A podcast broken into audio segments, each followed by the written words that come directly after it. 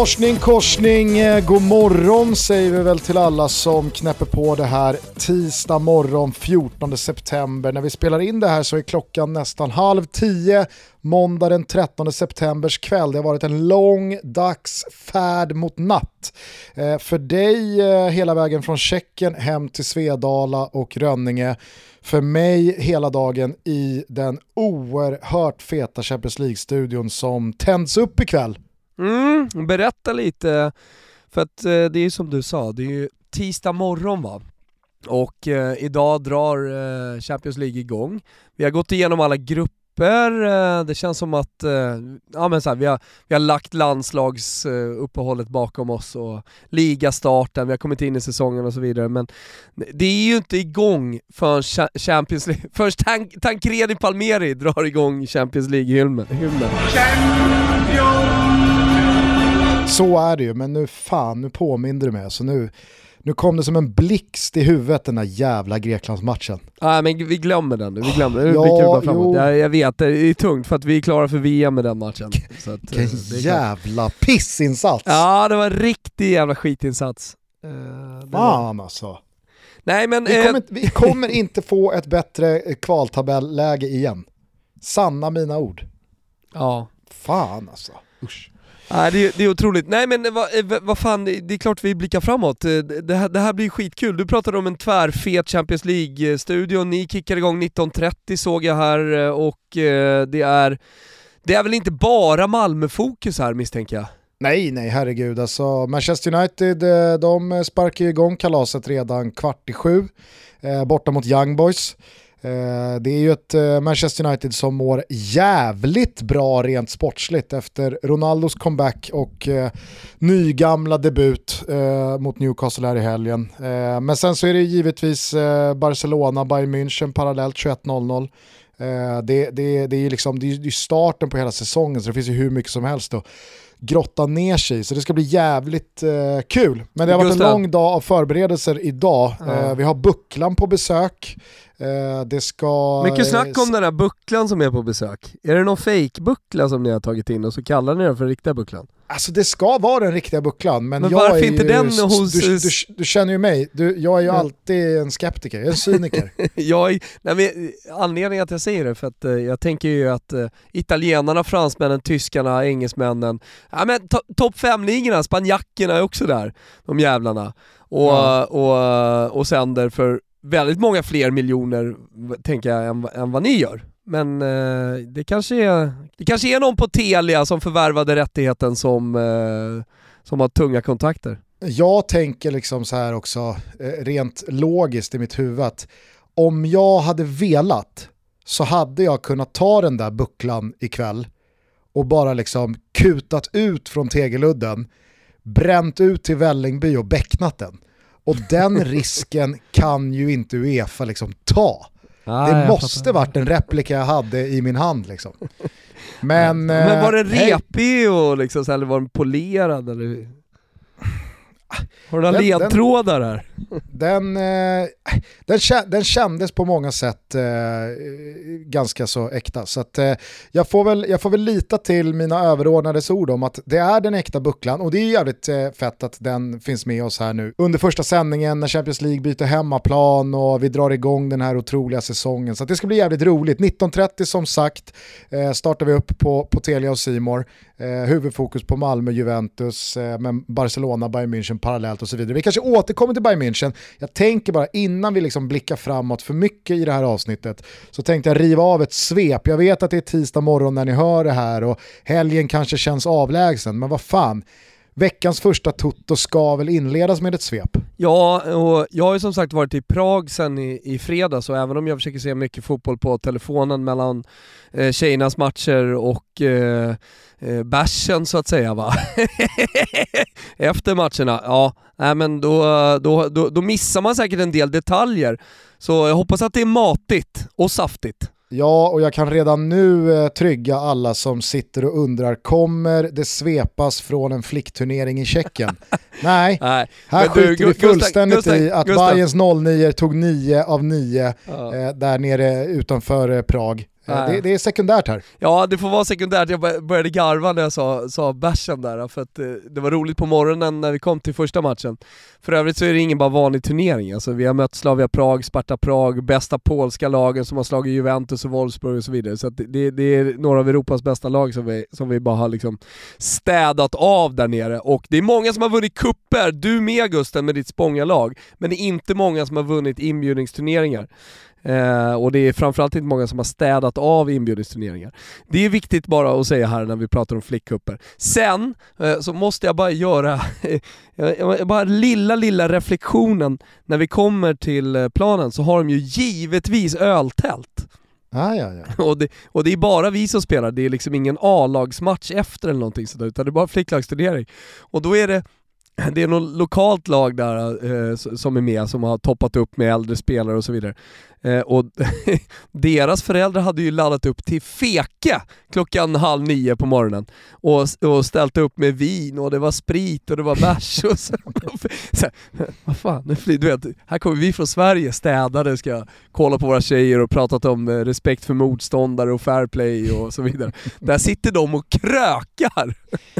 Och räknar mål. Ja, Slovan Liberets tränare vill ju givetvis, eh, vill givetvis eh, ta en liten spritare till lunchen och sådär och prata, prata fotboll. Runt den tjeckiska flickfotbollen pimplas det vin och räknas mål. Ja, det är fan för, ett som är säkert. Ja det är ett som är säkert, men eh, skit i det då, eh, jag vill ha ett svep. Nej men vad fan, vi dundrar in i svepet genom att ta oss till östra Tyskland och Julian Nagelsmans tidiga comeback i Leipzig. Han hade med sig Upamecano och lät även Marcel Sabitzer debutera. Klart att det bara kunde sluta på ett sätt. Det var show, det var uppvisning och en maktdemonstration som det var ett tag sedan jag bevittnade. Ska jag bara säga det? Ja men jag gör väl det. Bayern fucking München, där har ni Gugges favoriter till att vinna Champions League. Mer då, hålet med dubbla strutar i en sjumålsfight fight mot kusarna. Wolfsburg med fjärde raka segern och fortsatt serieledning. Och så tror jag faktiskt Thomas eh, att du tyvärr får börja ställa dig in på att ditt kära Augsburg, renässansens jävla stolthet, har börjat fingra på en biljett ner i Schweite.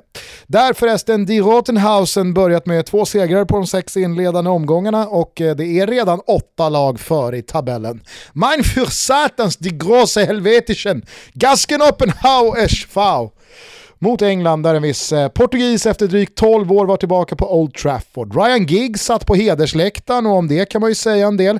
Men för att fokusera på det pur sportsliga så går det ju inte att blunda för att de röda jävlarna tog ett enormt kliv tillbaka mot den punkt där Ronaldo lämnade dem 2009. Spelarna tror på det nu, publiken tror på det nu och det känns också som väldigt tydligt att även alla konkurrenter nu också tror på det. Manchester United är med i racet på alla håll och kanter. Manchester City löste tre pinnar mot ett Leicester som verkligen inte får det att stämma så här långt. Arsenal spräckte både mål och poängnolla mot Norwich. Chelsea och Lukaku slog ett tappert Aston Villa och Tottenham brakade rätt in i Patrick Vieras nya Crystal Palace och tappade sina första poäng för säsongen. Efterlängtad seger för Wolves, början på en liten svacka för hysteriskt hypade West Ham och tredje raka torsken för trötta jävla Watford. Liverpool och Leeds skruvade upp fart och volym på max på Ellen Road, men när allt var över var de tre röda poängen sekundära. Supertalangen Harvey Elliots fot hängde åt fel håll i strumpan efter en duell med Pascal Struik och nej, det var inte roligt att titta på. Road to recovery dundrade dock 18-åringen ut på Instagram innan någon ens hann säga rehab och det är bara att konstatera att allt går så sjukt snabbt nu för tiden. I Spanien var Real Madrid tillbaka hemma på Santiago Bernabéu, men det är klart att man sett pampigare nyinvigningar. Det låg ett blått plastskynke över nedre etage och ah, allt kändes väldigt spanskt. Men det kanske man inte får säga i det här jävla landet längre.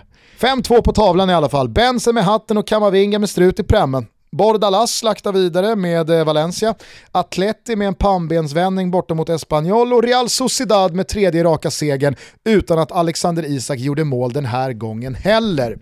I Serie A så var en flätad Zlatan Ibrahimovic tillbaka och det med besked. Med ett par, tre nya kilo muskler och oknuten doja avgjorde svensken matchen mot Lazio och på slutsignal så fick Lukas Leiva fastna i ett nackgrepp och Maurizio Sarri tappa fattningen innan Zlatan lugnt vandrade av San Siros matta. Han känns liksom... Äh, låt oss återkomma till det snart. Juventus med en hädisk insats igen och rättvis torsk mot Napoli trots att Chiellini var ganska nöjd. Inter tappade sina första poäng för säsongen borta mot Sampdoria och Roma fick in ett sent avgörande i en brutalt svängig match mot Sassuolo. José Mourinho fick fira tusen matcher som huvudtränare med tre poäng och serieledning. Vi noterar att Italiano fått fason på Fiorentina omgående och att Svaneprutten jinxade upp Udinese i tabelltoppen. Next up, äh, men givetvis är det hans kära Napoli. Borta bra, men hemma bäst. Eller vad säger ni? En ruskigt spännande allsvensk toppstrid tajtade till sig ytterligare då Peking lyckades få med sig en pinne ner från Malmö samtidigt som Gnaget tappade poäng nere på Strandvallen i Blekinge. Lägg där till att Elfsborg vände och vann mot Häcken och att Diffen med en styrkedemonstration ställde dit skåpet på Tele2 och tvålade till Bayern med 4-1. Enough was enough. Jag var på väg när du pratade om eh, spanjorer och vad man får säga i det här jävla landet och inte och skrika bara att spanjacker, han ska fan dö. Men så gjorde jag inte det. Utan eh, jag fastnade istället vid att två stycken bjässare verkligen är tillbaka. För när du pratade om Manchester United mm. så kändes det, ja men, så här, ja men de är tillbaka, slåss på alla fronter. Eh, så jag kanske ska göra kopplingen tvärtom för att det blir eh, bättre för våra lyssnare då. När jag såg Milan spela, när jag såg dem mm. i tabelltoppen, summera lite vad som hände förra säsongen, vad som har hänt under Paolo Maldini, och sen när du pratade om Manchester United, så kändes det som att eh, ja, men det är två stycken riktiga bjässar som är tillbaka. Jag säger inte det att de är, är, 2007 de är inte där. Igen. Ja men det, det, i alla fall åt det hållet, och jag tror att vi kommer närma oss 2007 för de två klubbarna eh, mer och mer de kommande säsongerna. Jag är helt övertygad om att de, båda kommer vara i toppen såklart, eh, det, det, det, det är ett understatement.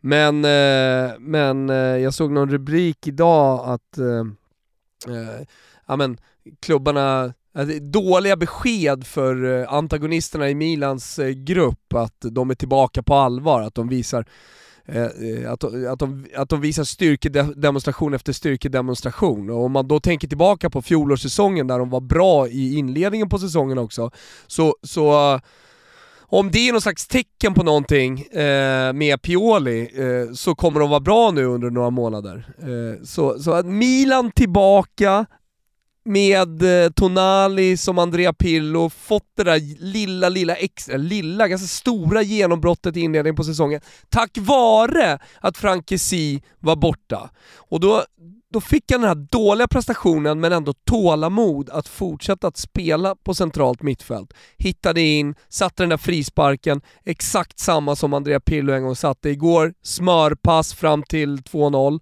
hockeyas, eh, så han är tillbaka. Men, men någonstans gör hela det här eh, eh, något röriga resonemanget som jag har för mig eh, glad liksom. Att eh, på bojan maner vill jag eh, omfamna det här att eh, toppklubbar ska vara i toppen. Och att man har saknat lite Manchester United där. Man har definitivt saknat eh, Milan där också då, i, eh, i, måste man ju säga i samma mening. Ja, men det blev väl lite tydligt här eh, när, när, du, när du la upp det som du la upp det i svepet. Ja, men jag tycker att eh, det som varit tillfälliga, med, med facit i hand så har det verkligen varit så, perioder av antingen då Manchester United borta i England eller Milan nere i Italien som har liksom mint oss om svunna tider och det har varit några veckor, några månader av, av serieledning eller tabelltoppshugg och att man har gjort stora prestationer och då kanske jag pratar eh, Manchester United främst under José Mourinho eller Ole Gunnar Solskär här och där i Champions League, man har slagit Juventus på bortaplan eller man har slagit ut PSG. Alltså det har ju varit några sådana stunder här och där och man har kommit tvåa ett par gånger i Premier League och gjort det bra poäng och tabellmässigt men det har ju hela tiden funnits den här känslan av att äh, men, det är inte vad det en gång var, det här kommer inte hålla hela vägen. Så har det ju varit med Milan också. Man har vunnit något derby och man har vunnit mot Juventus och man har lett serien och, men det har ju hela tiden funnits en känsla av att tittar man på startelvan, tittar man på truppen så, så, så känner man ju i hela kroppen att det här kommer givetvis inte gå hela vägen. Och, och, och, det kanske inte jag känner nu heller när jag tittar på Milans lag. Och jämför man med 2007, äh, det som var Maldini, eh, Cedorf, Pirlo, Rui Costa och Shevchenko. Nu kanske han hade lämnat 2007, men du fattar vart jag vill komma. Eh, det, det, är idag fortfarande Calabria, Sälemekers eh, och, och, Brahim Diaz. Det, det, är väl klart att det är, det är en jävla skillnad.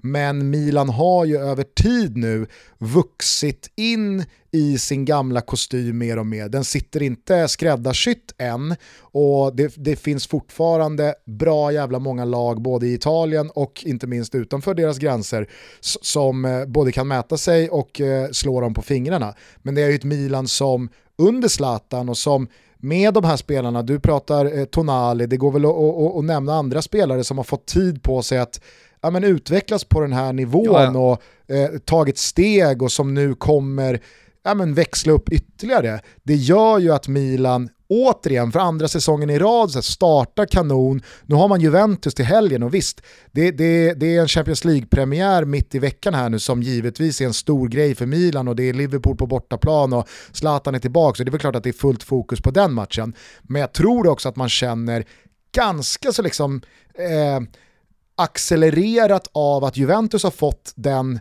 pissiga start de har fått på seriespelet, att när man nu möts till helgen så finns det en möjlighet för Milan att verkligen spänna musklerna ja, ja. gentemot Juventus. Ja, ja. ja men framförallt så tycker jag det, det, det, känns som att det har skapats en miljö som är sund och en miljö som man vill vara i, en miljö som är utvecklande. Sen om att man inte har råd att köpa de bästa spelarna och inte kommer ha det de kommande fem åren, eh, det spelar inte så jävla stor roll tror jag för Milan-supporterna. Eh, utan...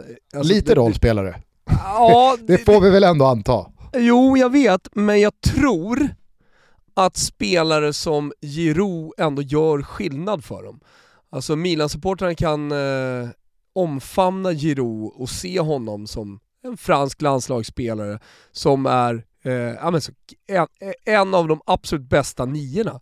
Eh, och framförallt så gör ju Zlatan Ibrahimovic skillnad. Alltså så länge han finns i det där laget, så länge han petrar in mål, du ville säga någonting om honom, mm. men så, så, länge, så, så länge han gör det, då är ju han, han precis som Mourinho är eh, tripletevinnare från 2010 i eh, Italien, så är ju Zlatan Ibrahimovic alltid eh, den största för dem. De, de, de, de gör ingen skillnad på att han är 39 bast. Utan det är Zlatan framme i anfallet. De har också en världsstjärna som kan vinna matcher i Champions League. Det, det räcker för nu för, för Milan. Men det viktiga här är ju miljön som har skapats, med en miljö som man vill till eh, och eh, som är lockande ändå för, för eh, spelare som gör att Milan kan fortsätta ta kliv. Mm.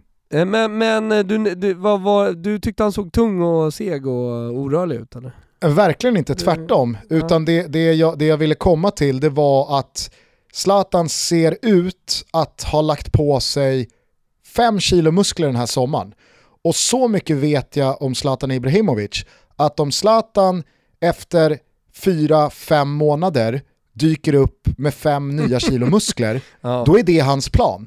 Då ja. är det menat. Det är ingen jävla liksom... Jag, det, det, jag, det, jag listar ut där, det är, det är ingen rocket science Gusten. Jag har sagt det här i podden redan tidigare också. Zlatan vill vara världens bästa spelare på något sätt ute på fotbollsplanen. Ja. På något sätt så vill han vara bäst. Och hur kan han bli bäst? Jo, han blir bäst felvänd, han blir bäst i straffområdet. Ja, hur kan ja. han bli ännu bättre spelvänd, äh, felvänd? Hur kan han bli ännu bättre i straffområdet när bollarna kommer in? Okej, okay. K2 är lagd åt sidan. Han är uppkäkad. Okej, nu kommer van Dijk, nu kommer eh, några av de största, absolut största spelarna då, som man ska, som, som man ska eh, du, du vet vilka han har mot sig i höst? Eh, vi, ja men du kan väl eh, recappa Ja men du har ju då van Dijk i Liverpool, ja. du har i Atletico Madrid Jiménez, Savic. Ja, Savic käkar ju upp eh, till frukost. Och så i Porto har du Pepe. Ja. Vad är det för match i matchen då? Ja men där har du fem kilo muskler för att käka upp mittbackar i Champions League. Det är bara det det handlar om. Han kommer vinna varje duell. Ja, och, och, det var det jag skulle komma till och det var det jag nämnde lite kort då i svepet. Att, alltså, när Zlatan dyker upp så här, han skickade ju även ut en bild på sig själv i Bar Uber eh, i, i lördags. Alltså mm. det, är, det är en tydlig visuell skillnad på muskelmassan som han har lagt sig till med.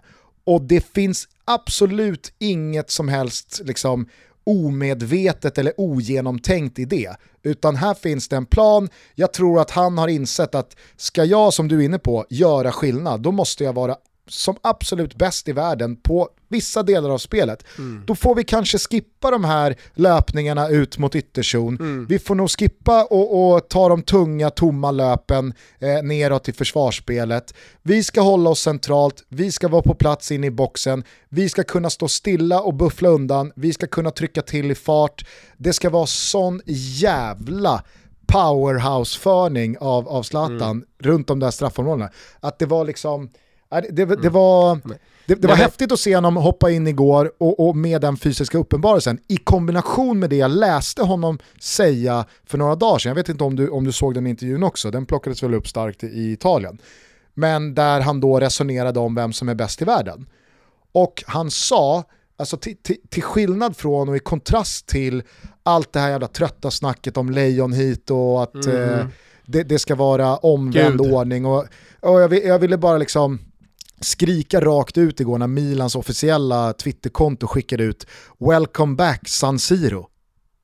Alltså så, du vet, de ska spela med i Zlatans lingo att vända på allting så att det är inte welcome back Zlatan utan det är San Siro som är välkommen tillbaks till Zlatans värld. Jag vill, vill bara säga, fan det räcker nu. Träff, du träffar ju sällan rätt alltså. Nej, det, blir, det, är, det är bara så dåligt. Fan vad jag läste Men, häromdagen. Ah, skitsamma. I, I det bruset i alla fall så tyckte jag att det stack ut i den här eh, eh, intervjun med Zlatan där han säger, han kändes verkligen uppriktig när han sa, för mig, alltså så här, jag, jag, det, det kvittar om, om jag eh, vinner Ballon d'Or eller om jag kommer femma eller tio eller om jag ens nämns i diskussionen. Det, det, är, liksom, det, är, inte vik, det, det är inte viktigt för mig. Jag tycker att jag är bäst i världen. Jag ser på mig själv som bäst i världen. Och jag kände bara när jag läste det så här, alltså han tycker det. Han känner sig som bäst i världen. Han vill visa alla som tittar på, alla som möter honom, alla som spelar med honom, men kanske framförallt sig själv, att jag är bäst i världen. Och eh, nu kanske några som lyssnar tycker att vi är eh, väldigt Zlatan-pro här. Ja, då ska jag göra er besvikna. För jag ska också hylla målet han gör. Alltså det är ett mål, eh, det, det är ju Rebic mål. Det är en jävla macka och så vidare. Men, du ser ju också hur han tajmar den löpningen. Jag ser framförallt att han avbryter att knyta skon. För att han fattar direkt ja. vad det är för läge ja, ute vid kanten. Dels, ja, ja, men det gör han och det har alla sett och han slår in den där med, med som Svaneman ropar, eh, eh, öppna skosnören. Men han springer och kollar på vad Rebic håller på med. Så innan han tar de där fyra, fem snabba stegen in, som ändå inte osade att det här är en 39-åring som inte kan ta några rappa kliv skitsamma, han är rätt vänd och på väg in så att det, det, man ska inte dra några växlar av hans steg på det.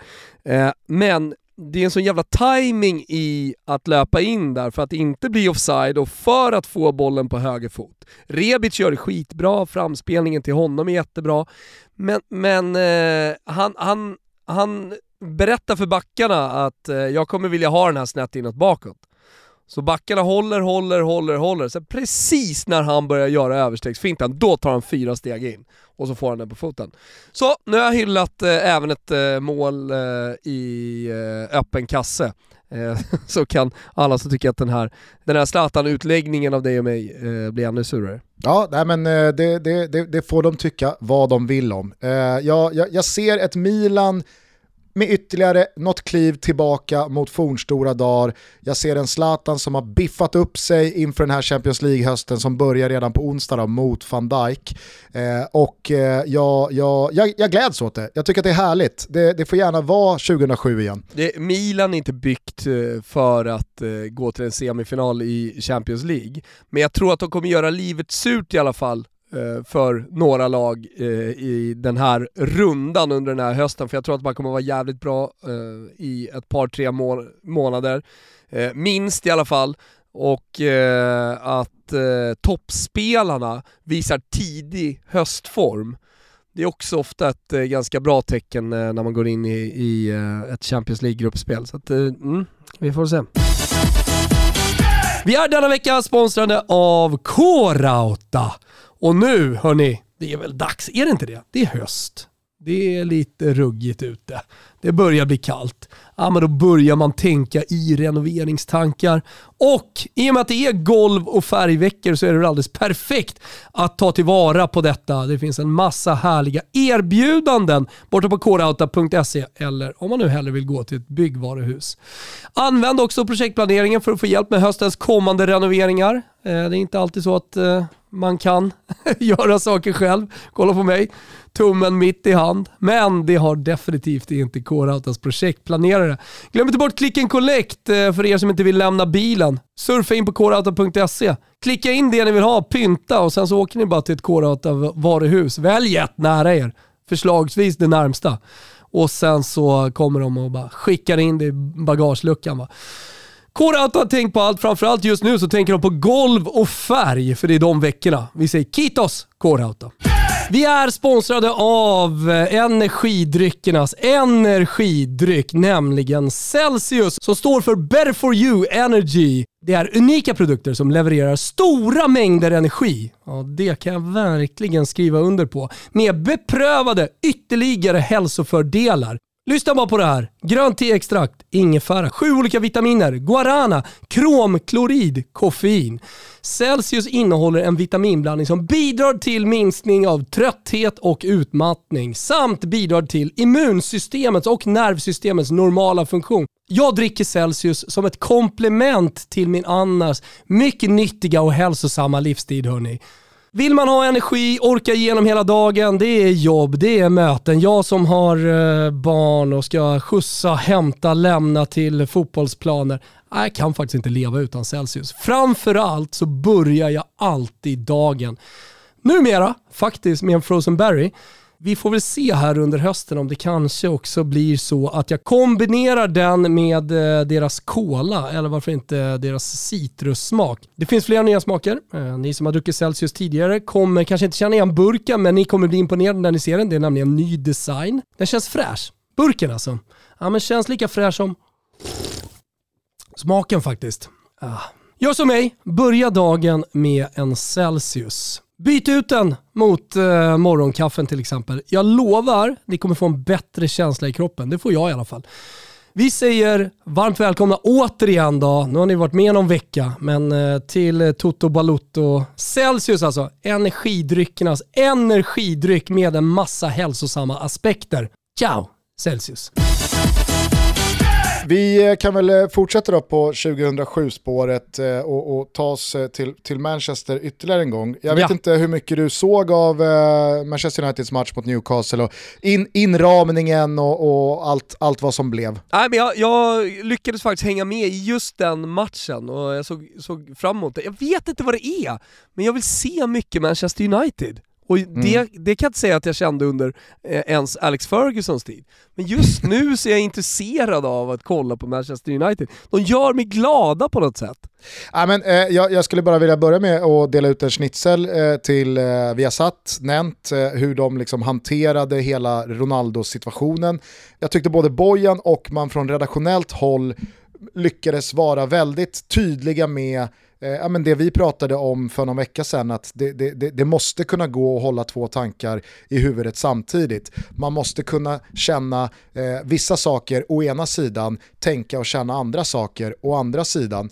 Eh, det, det, var jättemånga som, som vände sig emot Viasat eh, för hur de behandlade det här och menade på att ja, men han är inte dömd hit och, och till dess så, så måste någon anses vara oskyldig. Ja, fast det som är konkret och ett faktum är ju att han är anklagad för det här. Det är ju att det finns en, en nyöppnad utredning. Det är att han har betalat en kvinna ganska många miljoner kronor för hennes tystnad. Alltså, det finns ju så pass mycket konkret eh, och klarlagt som man kan redogöra för eh, som, som, som gör det relevant att faktiskt göra det. Mm. Det, det, det, tycker jag, det tycker jag jag har helt missat, ja, det, jag har helt miss, det har jag missat i, i Tjeckien, att det ens har pratats eh, om det. Men eh, jag är med på det. Ja, eh, så att, eh, det vill jag dela ut en, en, en schnitzel till och en gulasch till alla som inte förstår det. Eh, och, att, och att det är viktigt att lyfta det här och att är det någon gång man ska göra det, för det var ju väldigt många Manchester United-supportrar som var inne på, hur fan kan ni välja att ta det här tio minuter innan han ska göra comeback på Old Trafford? Men vad fan, när ska man ta det då? Innan Everton-Burnley ikväll? Alltså det, det, det är liksom, nej, då, då, då har man inte riktigt fattat eh, vad, vad en en publicistisk liksom, eh, rimlighet och ett journalistiskt ansvar handlar om. Eh, så det tyckte jag var väldigt bra. Men eh, om vi nu eh, lägger det åt sidan för nu eh, och fokuserar på det, på det sportsliga så tycker jag verkligen att det var som jag skrev i svepet. Alltså det var ju ett Manchester United som klev ut på den här arenan med så jävla hög tuppkam, ny luft i lungorna och en tro på att nu är vi redan ett eller ett par steg tillbaka mot där han lämnade oss sist för 12 år sedan.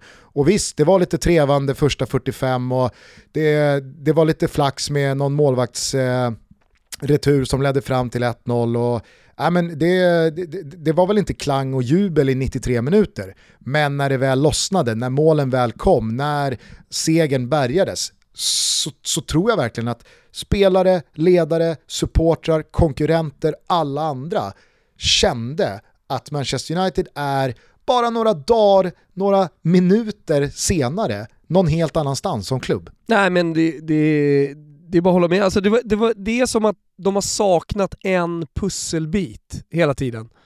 Eh, de, de har värvat och det det har liksom gjorts nysatsningar, man har eh, sökt med den ena storspelaren efter den andra. Är det här den sista pusselbiten? Men eh, nog fan är, är Ronaldo just den sista pusselbiten som saknades i Manchester United. Den mästare som, som får dem att lyfta.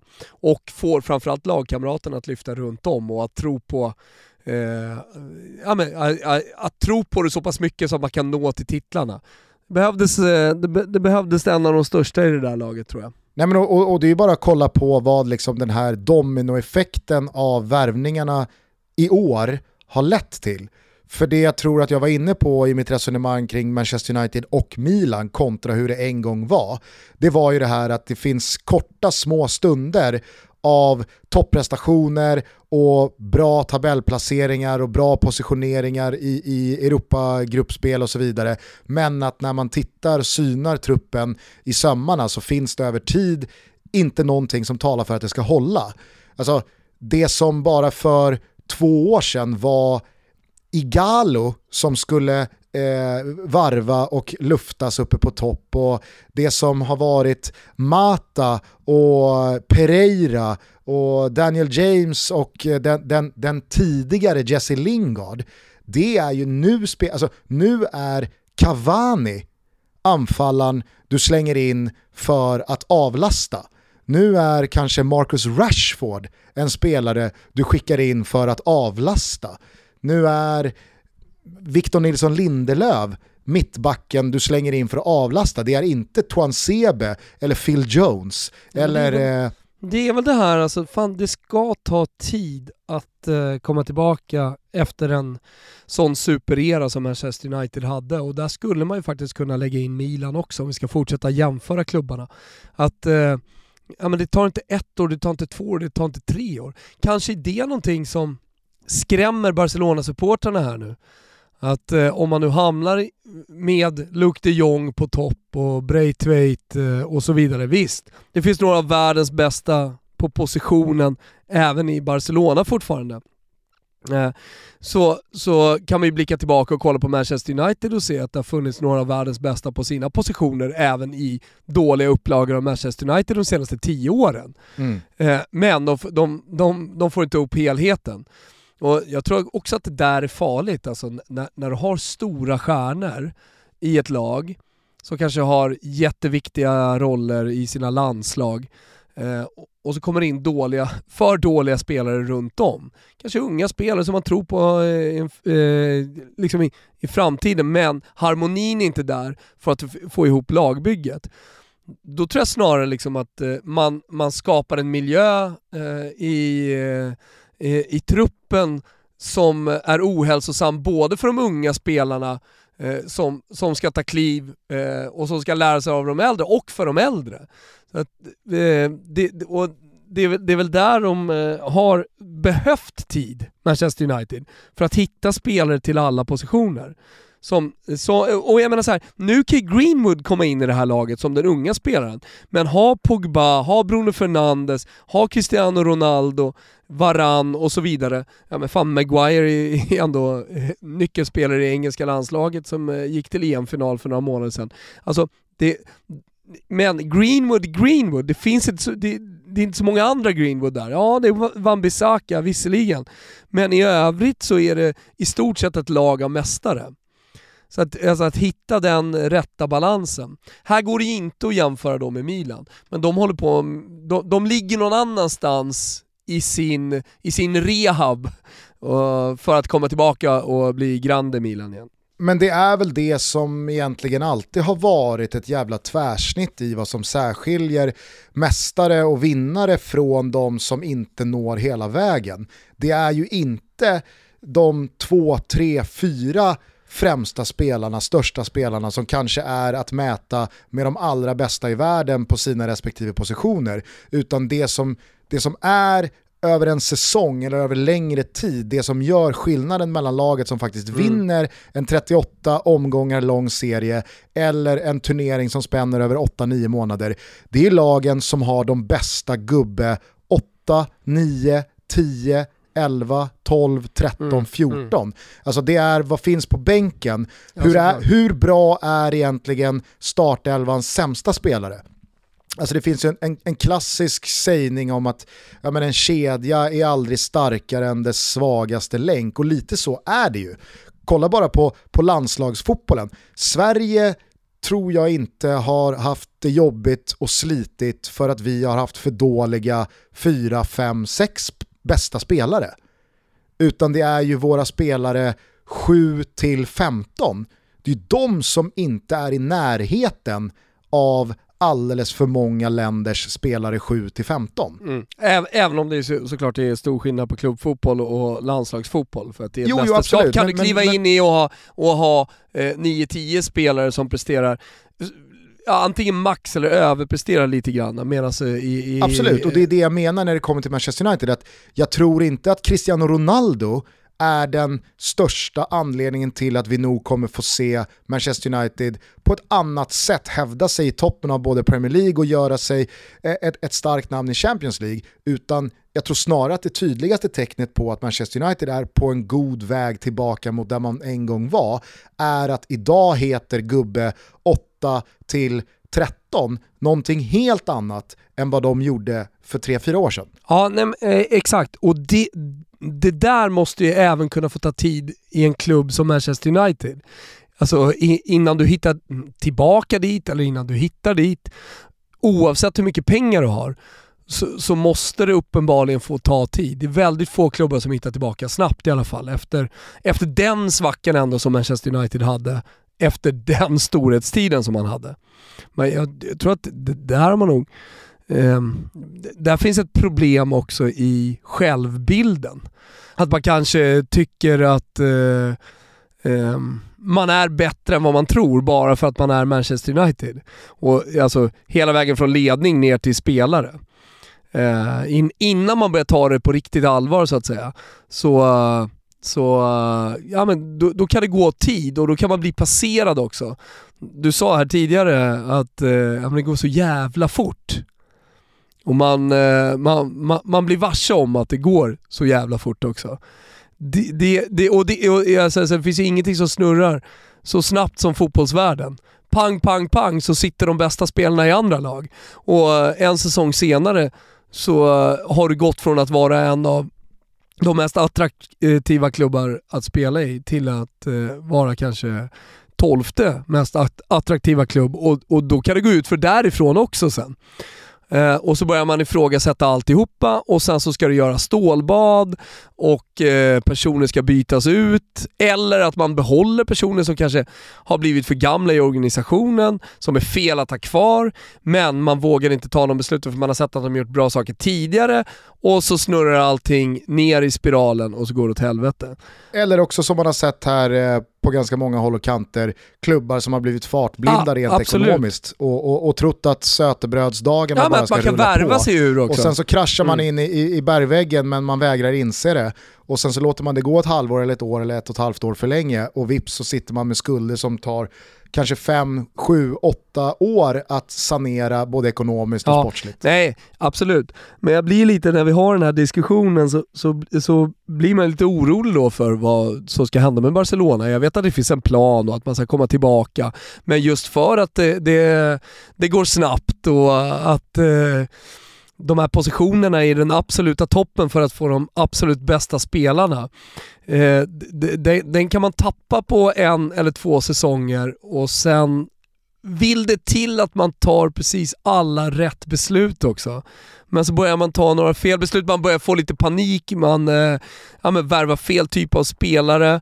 Eh, det, det kanske inte lirar riktigt mellan tränare, sportchef, ledning. Eh, och så snurrar det neråt ytterligare. Det, det, finns i alla fall en, det, det, finns en risk att Barcelona hamnar där. Jag vet inte hur jag hamnar på Barcelona, men nu hamnar vi där.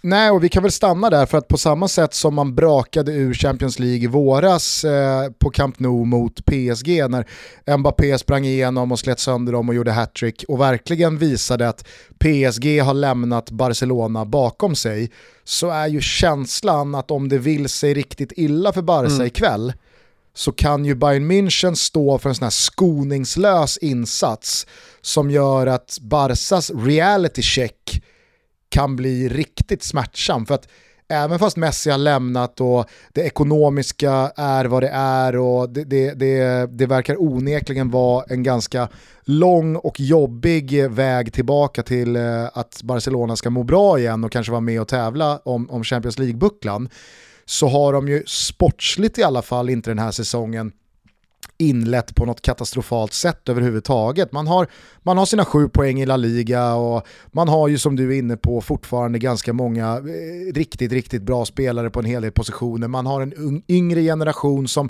säkert eh, kom, kommer eh, må jättebra av att få så pass mycket speltid och ansvar man kommer få den här säsongen och så vidare och så vidare. Memphis Depay längst fram har ju inlett kanon och så vidare. Men att möta Bayern ikväll, det, det kan också slå fel. Alltså minns bara förra sommaren när Bayern vägrade liksom skona mm. Barca och de bara tryckte på och det slutade inte förrän det stod 8-2 på resultattavlan. Nej. Alltså så som Bayern såg ut i förrgår eh, mot Leipzig, alltså det är det är potentiellt så att liksom snytingen Barca kan åka på kan ju också bli det här som får ja, men en, en, en, en, en vind att vända jo, jo, men sen, men sen är det ju sådär för Barcelona att man har sju poäng och det är ingen katastrof i ligan än så länge. Alltså det betyder ju absolut ingenting i, i, i en Bar Barcelona-kontext, i historisk eller nutid eller någon gång överhuvudtaget. Alltså sju poäng i ligan, jaha, ja det, det är en axelryckning. Va, va, alltså Barcelona, räk, Bar Barcelona räknar titlar. alltså allt som inte är titlar, det är skräp. Så, eh, så, så jag, menar, ja, jag, jag, menar bara... Jag menar bara men, men hade Barcelona börjat som Juventus med en poäng på tre matcher? Det är klart det hade kunnat varit värre, självklart. Ja, så hade ju, liksom, då hade ju spanjackerna stått ja, med högafflarna utanför jo, kampen. men, men eh, det gör de ju efter Bayern München eller i november, eh, om, om det går åt helvete i alla fall ju. Så att jag menar bara att, alltså, ja, inledningen betyder ingenting. Jag blev i alla fall oerhört imponerad av Bayern München i lördags. Det var en, ja men, jag, jag satt och snackade lite om det här med Vicky Blomé idag, att eh, det känns som att Julian Nagelsmann Ni två kanske ska göra en podd då? In... Verkar ju snacka så jävla mycket hela tiden. Va? Ja men gör en jävla podd ni då! Helvete, det är bara att snacka så alltihopa. Kanske du, ska, och Lustig, kanske, du ska starta, kanske du ska starta en hockeypodd eller något? Och Mellberg och... Ja, då kanske jag ska starta en hockeypodd ja. Lägger ner Toto alltså. Ja. ja. Jag hockey istället. Nej, men det vi, det vi det vi pratade om i alla fall och som du gärna får ge din syn på är ju Julian Nagelsmans intåg i Bayern och vad jag då sa till Vicky tror att det kommer betyda för Bayern München. För att jag tror att Julian Nagelsmann själv känner att nu jävlar är det dags för mig att infria allt det snack och alla de förväntningar som har varit på mig i ganska många år sen han kom fram i Hoffenheim och var the next big thing och var liksom den tyska fotbollens framtid. Va, va, vad uträttade han egentligen med mm. Leipzig? Mm. Alltså nu har han fått nycklarna till stan, han har plockat med sig Upamecano och eh, Sabitzer, han har försvagat laget som kom tvåa, Bundesliga-titeln ska de vinna hur de än gör. Men det är ju i Champions League han verkligen kan hävda sig och visa att han är the real deal. Och med det laget han, han sitter inne på just nu och sättet de spelade mot, mot Leipzig här i lördags. Alltså jag tror att det kan bli en, men, att, det, att det finns en ambition från Nagelsmann och Bayerns håll imorgon att verkligen visa vilken nivå de håller för laget. Jo, men det händer ju också med en ny ung, ung hungrig coach att det finns ju inget så här spara på krutet här för Nagelsmann. Utan eh, han, han kommer ju elda igång det här och han, han kommer liksom inte energispara här och vara bäst i april. Utan alltså den här, den här inledningen är ju beviset på att, att han är extremt hungrig, hungrig att, eh, att prestera redan från start. Toto Balotto är denna vecka sponsrade av Max Burgers. Hörni, eh, ni vet eh, George Costanza, vår loser-favorit i Seinfeld va? Som Gugge alltid tjatar om, inte minst. En av hans mest klassiska repliker, hur lyder den? Worlds colliding. Han nu är säkert Gugge bättre på att härma honom. Hur som helst så är det i Georges fall någonting uteslutande negativt eftersom hans sociala världsdelar håller på att krocka och rasera hans verklighet. Men tänk nu att Max Burgers nya Korean Barbecue också är Worlds Colliding, men på ett helt omvänt, uteslutande positivt sätt. Tänk er svenskt kött mellan färskt bröd som möter majonnäs, saltgurka, friterade lökringar, färsk koriander och Korean barbecue-sås. Äh men sick! Seouls bakgator, bao buns och koreanska aromer. Äh men ni hör ju själva. Korean barbecue finns just nu på menyn och alla Max-restauranger. Lätt att beställa via appen och givetvis tillgänglig även med de gröna alternativen halloumi och plant beef. Kom ihåg, Worlds colliding, fast på ett bra sätt. Vi säger stort tack till Max för att ni är med och möjliggör Toto Balutto.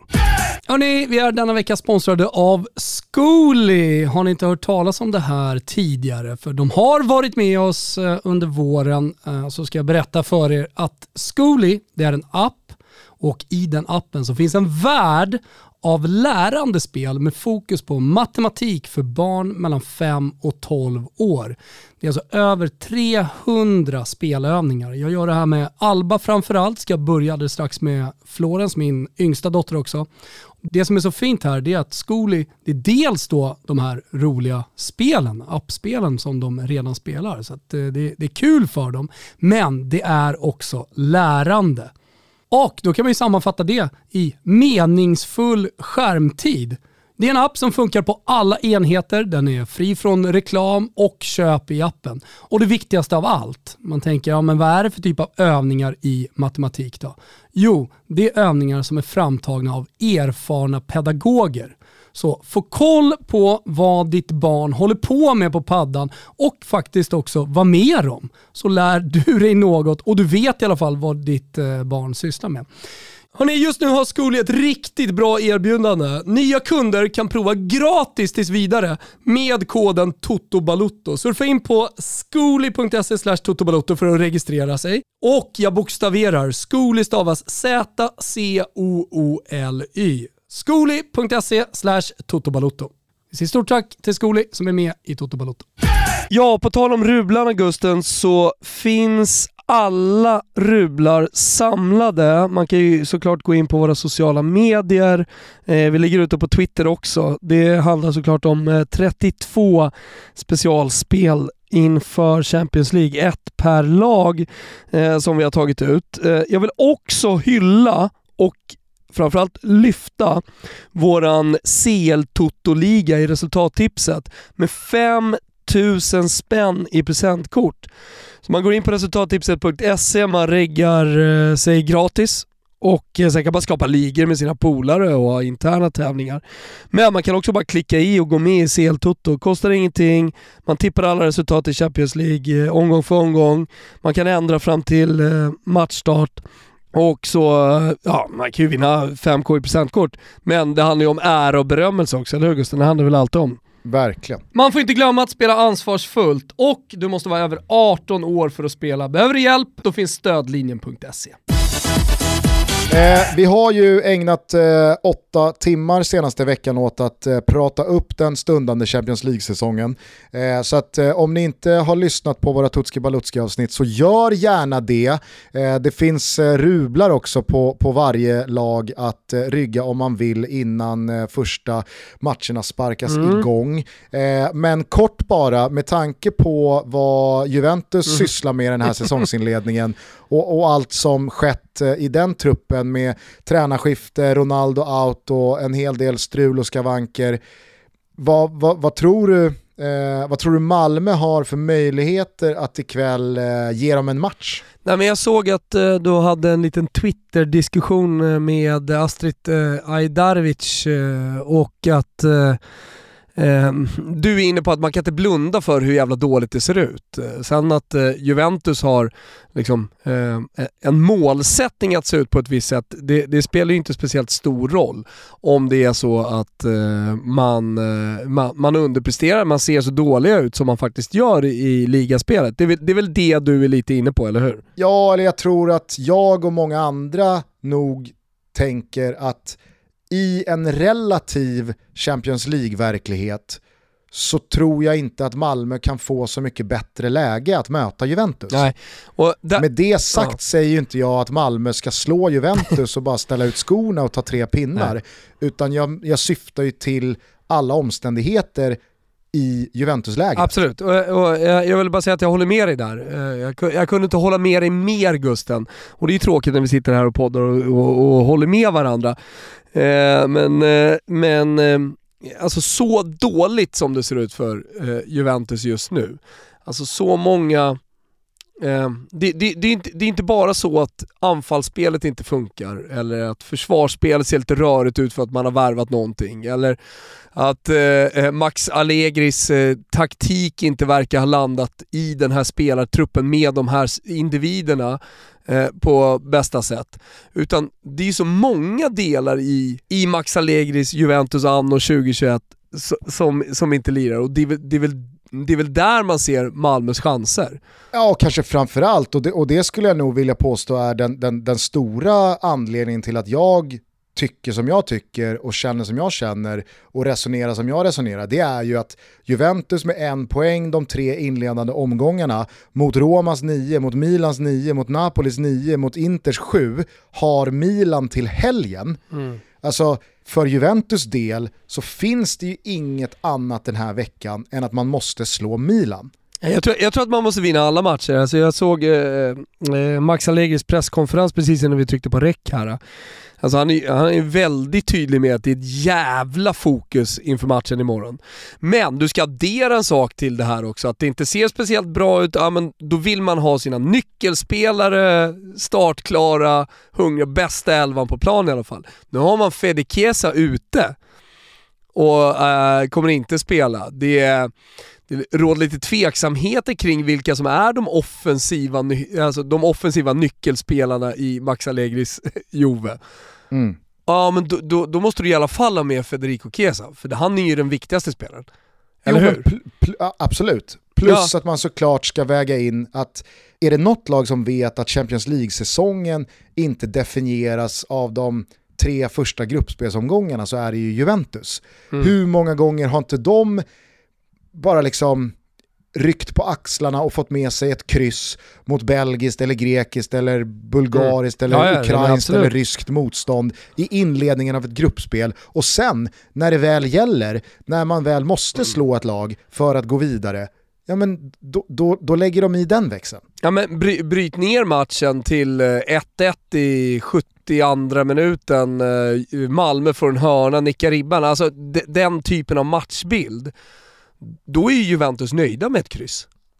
Ja. Då kommer, alltså, de, kommer, de, kommer, de kommer inte mata på framåt på samma sätt när man saknar självförtroende och eh, det, det, hackar väldigt mycket i, i lagmaskineriet, i spelare, sp, spelare som känner att de kanske inte riktigt har hittat in eh, rätt i, i Max Allegris eh, spelsätt. Eh, jag menar så här, då, då kan det mycket väl vara så att eh, Juventus sista tio minuterna spelar av den här matchen.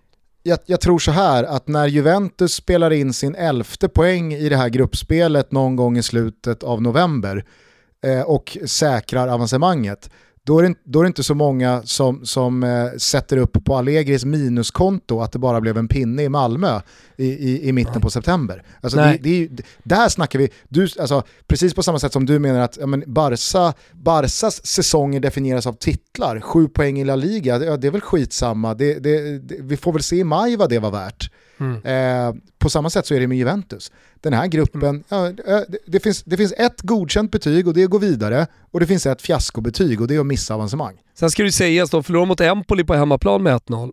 Alltså möter, möter Malmö Empoli så är Malmö oddsfavoriter. Med allt detta sagt så är det väl givetvis så att Juventus är rättmätiga dunderfavoriter även borta mot Malmö och eh, spelare för spelare på pappret så, så, så, är det klart att det är en enorm klasskillnad. Eh, men eh, det, ska bli, det ska bli jävligt kul att, eh, att, att följa den här matchen. Det ska bli sjukt kul, jag ska bara säga det att eh, Eh, Juventus står i 1,50 ungefär va, bort hos Betsson att vinna. Så att eh, det, det, det, är klart att ett kryss eller en Malmö-seger eh, vore eh, vore en stor jävla skräll. Eh, eh, allting annat är liksom bullshit. Eh, men däremot så måste vi analysera matchen utifrån eh, de förutsättningar som är. Hade Juventus eh, kommit in i den här matchen, Max Allegri tillbaka, eh, Dybala smält in fyra pytsar, eh, Kulusevski ser bra ut och Kesa, eh, Kesa är spelklar. Ja men det är klart att då, då hade de stått ännu lägre. Så att, eh, alltså, det är inte så att man greppar efter halmstrån, utan det, och att vi vi på något sätt här liksom tar ett Malmö-parti. Utan det, det, handlar ju om att, eh, att, att, att, att, det faktiskt, de, de, det kunde inte varit bättre läge att möta Juventus än vad det är nu. Nu, alla djurgårdare, nu, nu blir det ändå lite, lite derbysnack innan vi stänger ner avsnittet för den här gången. För att det var ett lätt hittat eh, Djurgården som eh, tvålade till Bayern igår på Tele2 med 4-1 och äntligen fick skrika ur sig den här derbyfrustrationen som har byggts upp under en enormt lång tid. Jag vet, jag vet eh, att eh, alla AIK-are sitter här eh, runt eh, huvudstaden och känner att jo, men, eh, Gnaget har de inte slagit på över ett decennium och va, va, va, vilka är Bayern jämfört med eh, det, det riktiga Stockholmsderbyt? Jag tror att för Djurgårdens skull, Visst, det, det, det, kanske hade smält några procent högre att eh, slå AIK, men att få slå Bayern i det här läget efter den dipp man hade eh, post eh, den där eh, 4-torsken mot Gnaget med kryss hemma mot Mjällby och torsk mot Sirius och landslagsuppehåll på det och en säsong som höll på att glida dem ur händerna. Att då få studsa tillbaka, vända och vinna och göra det på ett sånt här defilerande sätt. Eh, Magnus Eriksson får vara den här lagkaptenen som kliver fram och ja, men, eh, verkligen här för eh, både, både spelarna och publiken. Eh, det, var, det, var, det var ju en det var en ny svängning och krängning i den allsvenska toppstriden eh, i och med det här resultatet. Bayerns säsong dör väl lite i, i och med den här torsken. Det känns som att det är dels lite för många poäng upp, men kanske framförallt lite för många lag upp för att man ska känna att Bayern har med, med guldstriden att göra. Det som dock ska sägas här nu efter 18 fullspelade omgångar, det är att Malmö ligger fyra. Ja, jag ska bara, bara säga en sak. Det, det var lite mysigt då som aik att jag hade Eh, en i Bayerns styrelse i min närhet under den här matchen. Och eh, eh några andra bajare. Och så var, var det jag och någon glagare också såklart också. Det, det, det, det, var lite mysigt nere i Prag. Ja, det var alltså, bara kort från, från Bayern-håll så var det ju en, det var, det var en beklämmande svag insats. Och den var också ganska förvånande för det kändes som att efter det där oerhört sura uttåget mot Basel så fanns det ju liksom ingenting för Bayern att spara på till den här matchen. det, det, det, det fanns eh, inga anledningar eller incitament till varför Bayern inte skulle gå ut med allt att vinna, för det fanns liksom ingenting att förlora. Och även fast man tar ledningen så tycker jag att man gör en riktigt svag match genomgående. Framförallt så förvånar det mig hur så... Men det var, det var, en, det var märkligt överlag att, att uh, alltså den prestationen kommer. Inför studion handlade det ju väldigt mycket om att uh, Hammarby att eh, Milos Milojevic har vänt eh, på det och att eh, Hammarby är tillbaka på något sätt och sådär. Och 1-0 kom, kom väl inte helt oväntat heller? Nej det kom väl inte helt oväntat utifrån Djurgårdens derby, liksom, historik. Nej, och sett kanske till den senaste tiden i Allsvenskan också. Ja, ja, verkligen. Men det är ju sen Hammarby på något jävla märkligt sätt totalt klappar ihop för att det, det är ju anmärkningsvärt hur så rutinerade och erfarna spelare som i ledning i den här situationen borde ja, men, sätta koncentration, fokus, inte bjuda på någonting eh, och i synnerhet att hålla ihop lagdelarna i första rummet. Mm. Men det blir precis tvärtom. Det är juniormisstag i försvarsspel och det är, mm. det är lojt och det är, det är duellspel som förloras mot mycket färre kilo muskler och mindre centimeter och ja, men det, det, det, det var ett Bayern som spretade och som kändes, alltså, det kändes som ett lag precis innan ett tränarskifte. Ja, nej, men, ja precis, jag förstår vad du menar. Det är en, det är en, det är en, det är en ihopklappning som inte riktigt eh, eh, går ihop med eh, hur, hur, hur man eh, har sett på den här matchen på förhand. Vad, eh, vad tror du det gör för Djurgårdens eh, ja, men start på avslutningen här och start på hösten? Jag tror att den betyder allt. Alltså eh, Malmö tappar poäng, AIK tappar poäng, de vinner ett derby. Och de vinner också övertygande derbyt med 4-1. Eh, jag, jag, tror att eh, eh, nej, men, ja, eh, risken fanns ju liksom att Djurgården skulle tappa eh, och tappa lite för många poäng och att eh, eh, AIK kanske skulle dra ifrån lite, men, men när, när, när både Malmö och AIK tappar poäng och de vinner ett derby, det är väl så enkelt, som, det är väl så enkelt idrottspsykologi eh, eh funkar liksom då, då, då, då kan det betyda precis allt i en toppstrid när det är några omgångar kvar. Och om man nu pratar eh, bra lägen att möta andra klubbar så känns det som att Djurgården efter den här derbysegern med 4-1 i ryggen och serieledning och en tro på att vi visst kan göra någonting av, av det här, alltså är det inte kanonläge för dem att möta Malmö? Är det någon gång man ska möta Malmö ja. så är det ju efter deras Champions League-premiär mot Juventus. Givetvis, givetvis. Alltså, det, det är väl ett drömläge.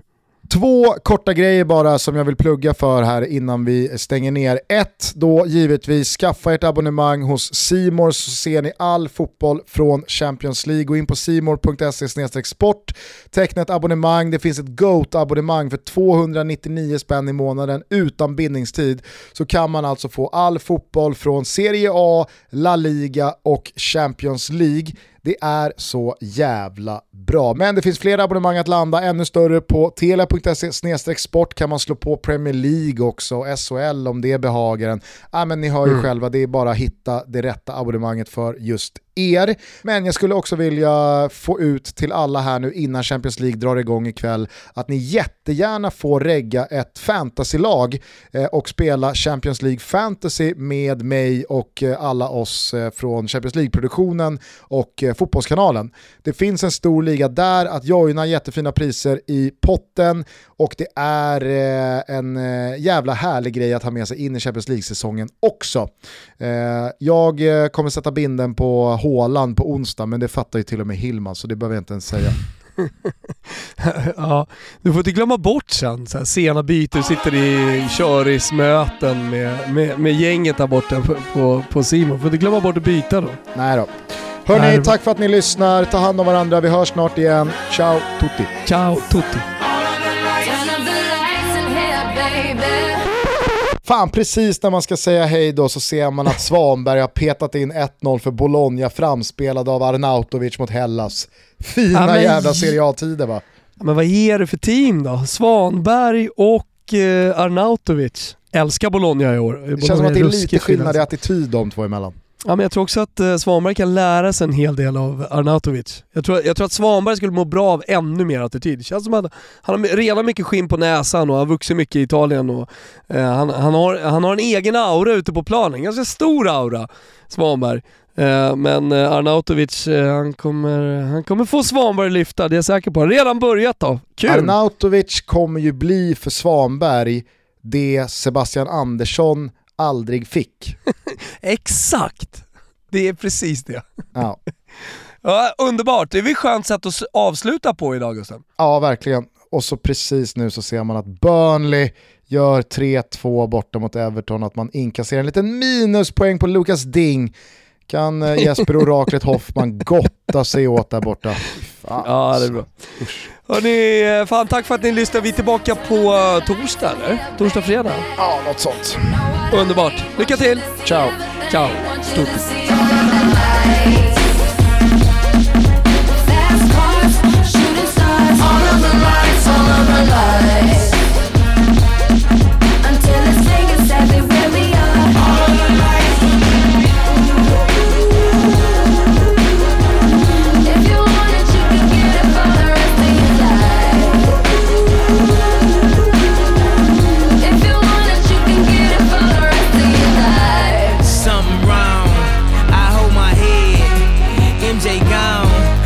nigga dead.